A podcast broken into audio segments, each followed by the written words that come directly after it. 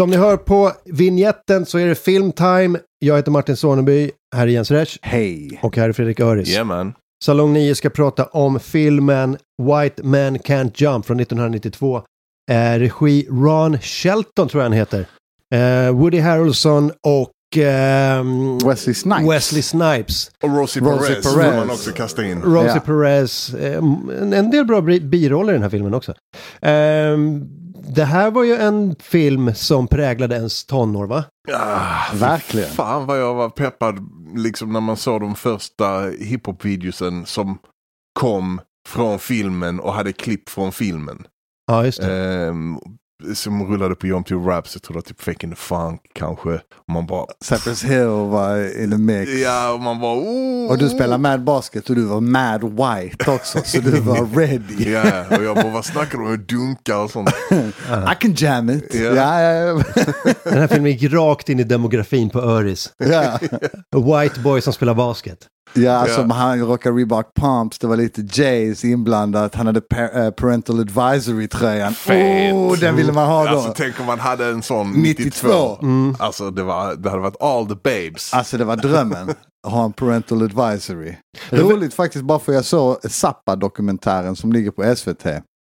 Och han var en av de som krigar mot James Bakers fru som var den som drev igenom parental advisory-loggan och det. Var inte det Tipper Gore? Jo, hon var också inblandad tror jag, Okej. men i, i den dokumentären så var det mycket om Baker. Okej, vem är det? Alltså, eh, eh, jag kommer inte ihåg vad hon heter. James Baker är klassisk som har varit, eh, vad heter det, utrikesminister och, Ja, okej. Och sånt. Jag kommer inte ihåg. Nej, de hade ju en movement. Alltså det var, ju, det var väl... Eh, frågan är inte var Nancy Reagan också? Eh, Ett hörn där. Ja, hon var ju Just Say No. Tucker. Just say no to drugs. Ja, men, men de var en sån litet powerhouse konservativt som Ja. gav sig på shit. Skulle liksom. köra, köra över CD-skivor med ångvält. Ja, det var så- Dolores Tucker. Okej, ja, Ja. den är classic. Park var inte ready. I alla fall, parental advisory trän fett. Ja, Men- väldigt fett. Ehm, men så, eh, jag vet att, jag minns att Öris hade den här som sin sportfilm nummer två va, i livet, när vi gjorde fem feta sportfilmer. Det kan det mycket väl ha varit Ja. faktiskt. Alltså, den, alltså den kulturella betydelsen för mig specifikt. När den kom 92, jag var 15, spelade basket, lyssnade på hiphop. Den bara, den bara checkade alla boxes för mig. Mm. Hela vägen. Och, och jag hade faktiskt nu när jag såg om den igår aldrig riktigt tänkt på eh, liksom den djupare delen av filmen. Alltså detta här är ju uncut gems i princip. Ja, det är mycket spelmissbruk. Alltså han är, han är, han är riktigt djupt nere i Alltså skiten. han är riktigt bull. Alltså, han hans är så moves är bull. så bull. Alltså han är så bull. Alltså, vi, vi behöver inte gå till slutet av filmen än, men det var sjukt bull. Jag tänkte inte på det back in the day heller. Bara, fan vad bull. Alltså, okej, så slutar den lite sån gött, men skitbull. Ja, Woody Harrelson spelar en baskethustlare som kommer till Venice för där är det ingen som känner honom. Han låtsas vara en vit idiot som inte kan spela. Alla går på det. Han är rätt duktig ändå, vinner pengar och, eh, och bara fortsätter så. Teamar upp med Wesley Snipes karaktär och de bara hej vi kan göra en double act. Ingen kommer att fatta att vi känner varandra. För jag är svart och hej, du är vit. Eh, så eh, Det var det nog helt... mer en grej kanske 92. Alltså så, och han kom från Crenshaw eller något sånt, Mm. Wesley Snipes. Det var nog inte helt mycket interracial eh, liksom, grej då. Man tänker att det är precis vid the riots ju. Det måste det vara. Riots är vad? 91? Är det 92? Kan vara 90? Jag tror det är 1992. Ja, det, Faktiskt, så det är precis ja. där, alltså race, Rodney King liksom, racial Ja. tensions var high Ja, som fan. Ja, Och, jag vet inte, det bara kändes som en grej att eh, det här var någon sorts helande mode på något. Eller jag vet Ja, inte kanske. om Det det var helande för det, men men, eh, men manuset måste jag ha skrivit långt innan. absolut. Och sen, eh, sen är det produktionstid. Sen är det säkert så här, tre år gammal. Eller? Ja, exakt, men Rodney King var ju också något år innan domen Det är kom. sant. Alltså Det är typ så, här, det, så att överhuvudtaget stämningen då var ganska så... Ja, eh, just det. liksom. Ja, och det var ju inte bara den specifika grejen. Det var ju det som fick krutduken att explodera. Det hade ju legat och bubblat i många år. Precis, Så, att- Mm. Eh, för jag läste lite om, om han Ron Shelton. Jag vet vem det är sen innan såklart. Men alltså han är ju någon, något av en sportfilmsguru. Absolut. Bull Durham, Tin Cup. eh, den Cobb om Ty Cobb, Play to the Bone, The Great White Hype. Eh, alltså rätt mycket. Han hade till och med gjort en 30 for 30, Jordan Rides the Bus. Ja, har han den är den? skitfett. Den är skitfett. Ja. Det är, det är ju rakt in i, i om, man ska, om man ska försöka hitta någon typ av röd tråd i hans filmer. Då är Jordan Rides the Bus den perfekta dokumentären för honom. Alltså det är Ja. ganska mycket så, det är inte så här äh, snubbar på den absolut högsta nivån han liksom skildrar. Nej. Det är den här och så är det liksom Bull Durham är så farmarligan. Han, han skrev den eh, Blue Chips också. Mm. Kommer du ihåg? Med Nick Nolte. Ja, och den, var, ja, den, var, den höll Alltså, inte. när Nick blir Nolte ingen- kommer in i den ladan och först ska se Shaq bara öppna dörren och Shaq spelar typ så två mot två på, alltså, och sliter i den korgen. Alltså man bara okej men ofta han kan, alltså det är så la, inuti en lada där det är en sån hemmabyggd korg där Shaq bara dunkar på folk. Ja, den är helt sjuk alltså. Ehm, men eh, Ron Shelton var, eh, han, han, jag tror han spelade basket själv också. Alltså han eh, spelar college basket. Okej, Ja. ja. Så att han har, han, han vet vad han pratar om. Då är det kanske han som är Billy Ho. Kanske det. För han var också lite så, han var college men fuckade upp the summer leagues eller vad det var. Ja. Vad var det Bill Ho sa? Han sa någonting i stil med I played some, in some colleges in Louisiana. And nobody knows me out here.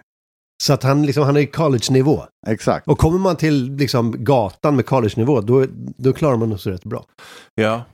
Speciellt om man kan skjuta. Om man inte kan hoppa. Precis. Ja, jag, jag, jag gillar den och när, han, när de introducerar honom eh, och han kommer, eller de, de har introducerat honom lite innan liksom, när han kommer till den första matchen och ska lira. Och han sitter i, i sina sådana Air Force 180, skithöga med Mm. sån gas, de är så sjukt classic de skorna. Alltså man bara oh. Det var faktiskt memory lane av att bara se. La, la ni, jag får fråga er. Steez, alltså Styles. Ja, la ni märke till han i den första matchen? Han den gamle gubben med magtröja och lila tights. Ja, Ja, jag sa honom direkt. Han, det börjar med att han guardar någon men de filmar honom bakifrån. jag tänkte på det direkt, jag bara kollade den.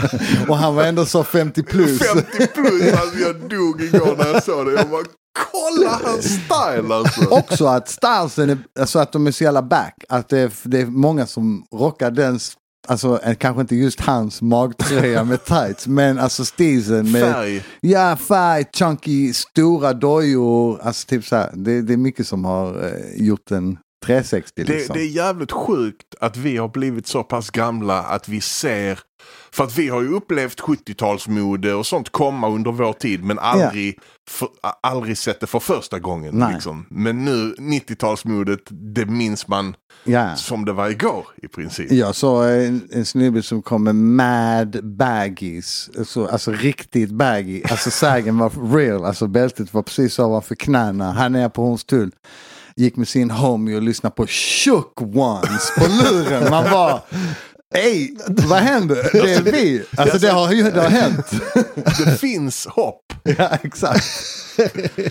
Men eh, vad tycker ni om filmen överlag? Jag, jag måste säga, alltså jag blev ändå glad för att se om den. Men jag måste säga att första halvan av filmen var skitfett, andra halvan är helt sjuk. Alltså typ eh, händelserna som sker, valen som görs och liksom bull. Ja. Ganska bull. Ja men det var Ja. det jag menar med, med att han är han i Uncut. Let's fucking bet on Ja. this. Ja, Och bara så. Nu har vi dessa pengarna här, nice. Mm. Vi drar ner och skjuter ett skott från 40 meter. Ja, alltså, vad dude. Alltså, ball liv. Ja, alltså det var ju, helt, det var ju i andra halvan när de sjuka grejerna. För man kan ju säga, alltså han kommer dit med sin tjej Rosie Perez, då Gloria. De, de ska hustla ihop pengar för att han är skyldig några gangsters pengar. För, att, för en annan match, som han, en läggmatch han skulle göra när han inte pallade och han, bara han kunde vann. inte lägga sig. Han kunde inte lägga sig för det var någon som sa att han inte kunde skjuta eller någonting. Så han bara fuck it, jag vinner. Han är skyldig dem flera tusen.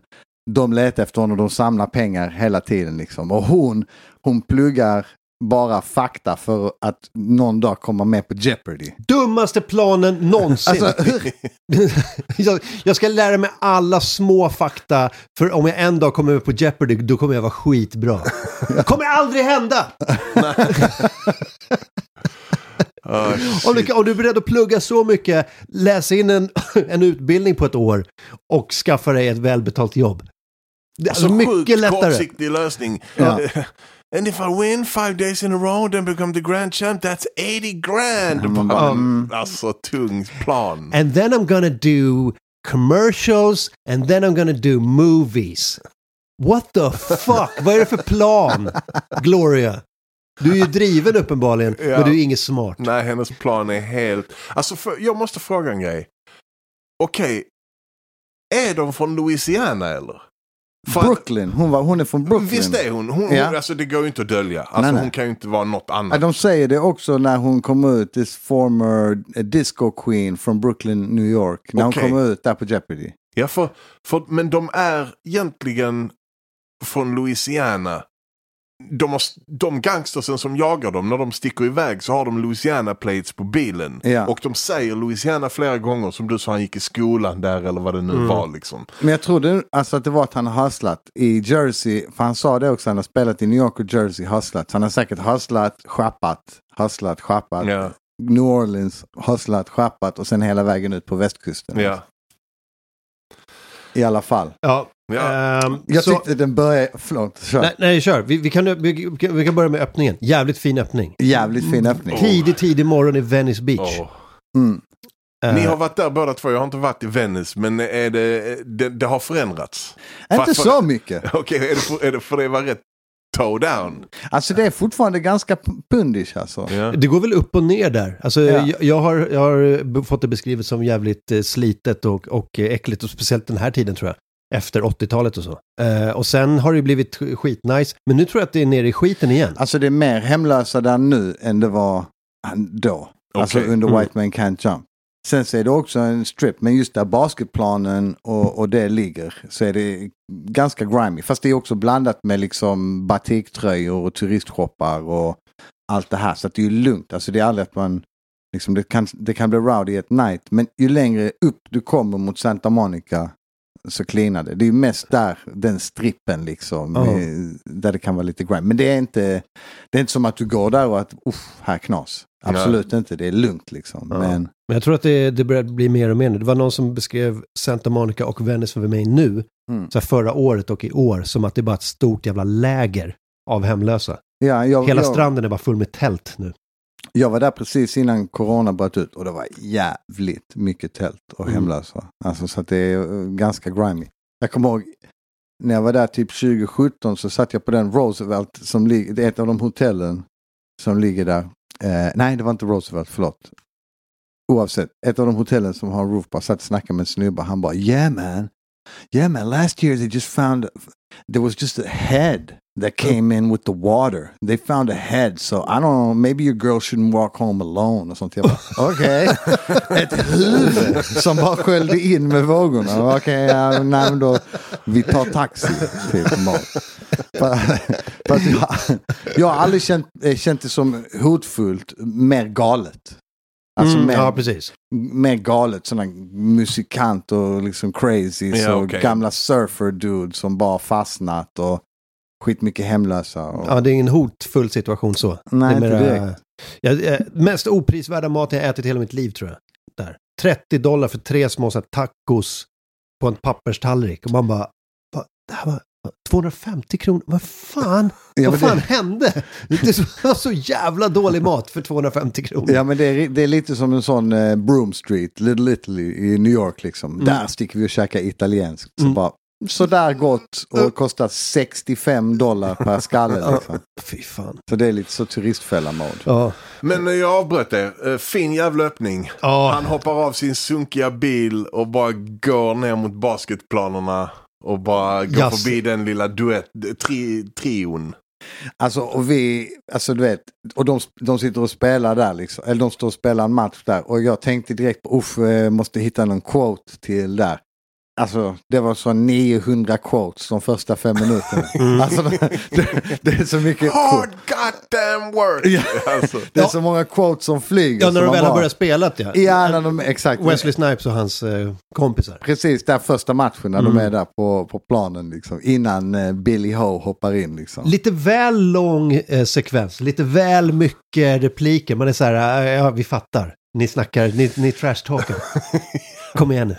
Han droppar ju en riktig, riktig klassiker direkt. Och det är See you but I wouldn't wanna be you. Ja. Alltså den är, den är timeless classic alltså när Snipes droppar den.